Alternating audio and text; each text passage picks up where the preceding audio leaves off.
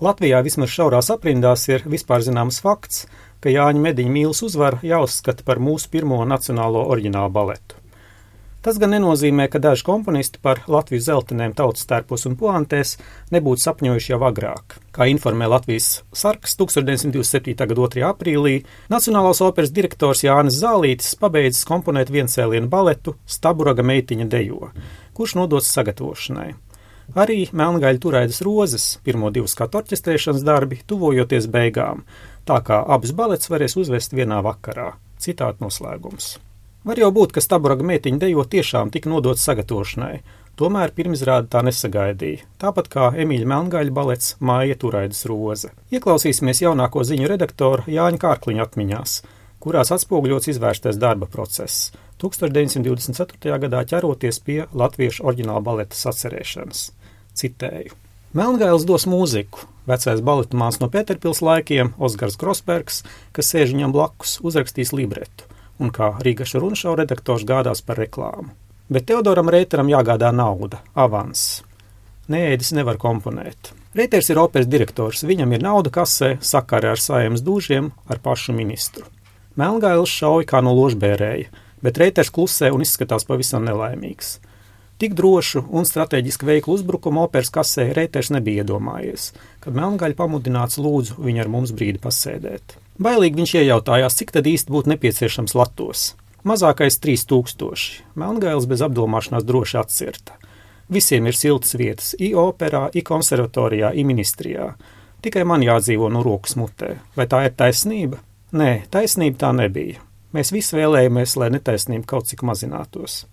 Ko nabaga reiters tur varēja iebilst? Viņš sarka kā nevainīgs zēns, varbūt aiz apspiestām dusmām, tomēr apsolījās runāt ar izglītības ministru un saimas večiem. Viens pats tik lielu avansu izsniegt nedrīkstot. Labi, es arī ar viņiem pēc tam aprunāšos.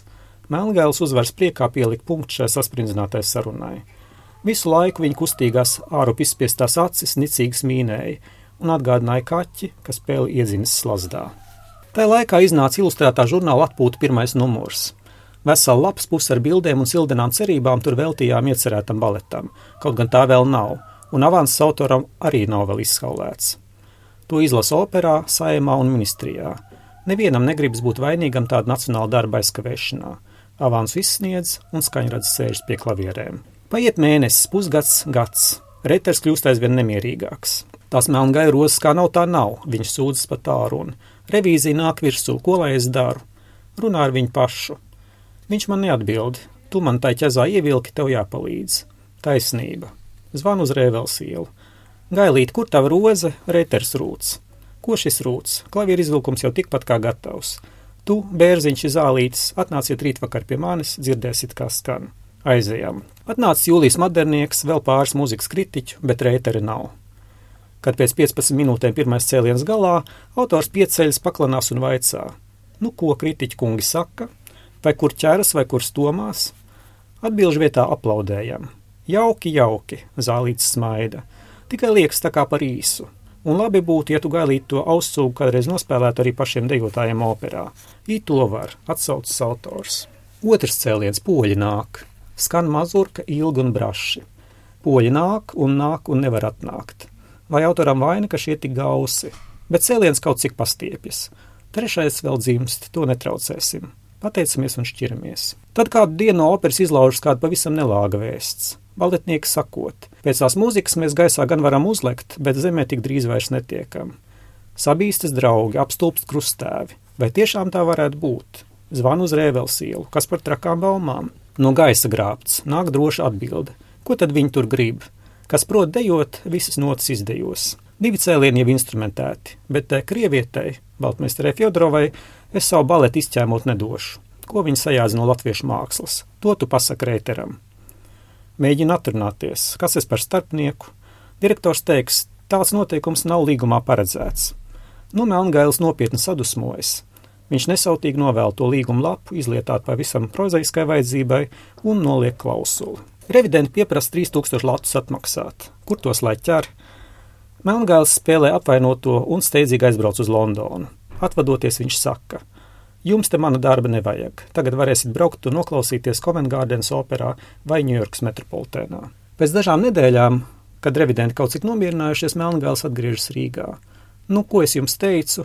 Līgumi noslēgti, vēl jāuzraksta tikai tā veļu mūzika, un turēdz rozi izies pasaulē. Citāta beigas. Lai gan Jānis Kārtiņš atmiņās raksta, ka revidenti bija kaut cik nomierinājušies, melngaļa problēmas ar baletu māju turēdz rozes turpinājās vēl ilgi. No Latvijas Nacionālās operas avansā viņš bija saņēmis 2195 latus. Konstatējot, ka komponists ilgstoši nepilda līgumā noteiktās saistības, operas vadība beidzot pilnvaroja zvērnāto advokātu Kirillu Munkeviču iesniegt prasību tiesā. Neraugoties uz apstākli, ka Rīgas 7. iecirkņu ietiesnesis operas direkcijas vēlmes bija atzīts par pilnīgi pamatotām, naudu piedzīt nekāda neizdevās, un tika nolēmts, ka tādā gadījumā nāksies izūtrupēt skaņradim piedarošās klavieres.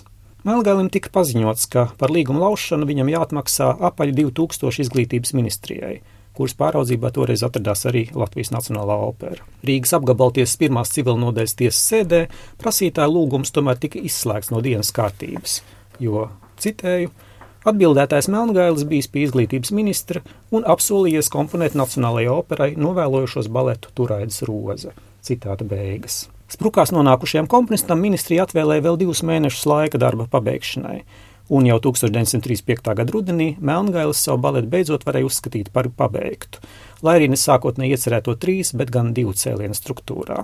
Var, protams, saprast Latvijas Nacionālās operas vadību, kuru visa šī epopeja desmit gadu garumā bija nedaudz nogurdinājusi. Melngaļa balets māja turēts roze tā arī palika neuzvests, Tomēr mums nekādā gadījumā nav tiesību runāt par izšķērdētiem nodokļu maksātāju līdzekļiem. Emīls Melngēls ir pilnībā atpelnījis saņemto avansu ar to vien, ka ainai, kurā pie gūtmaņāls tiek svinēti Jāņi, komunists jau 1926. gadā bija iecerējis koru dziedājumu iekļaušanu baleta partitūrā. Otrā cēliena sākuma epizodē viņš sarakstīja kompozīciju Jāņu vakars, kas pirmoreiz izskanēja 7. Latvijas vispārējos dziesmu svētkos 1931. gadā. To diriģēja toreizējais Latvijas Nacionālās operas direktors, leģendārais Teodors Reiters.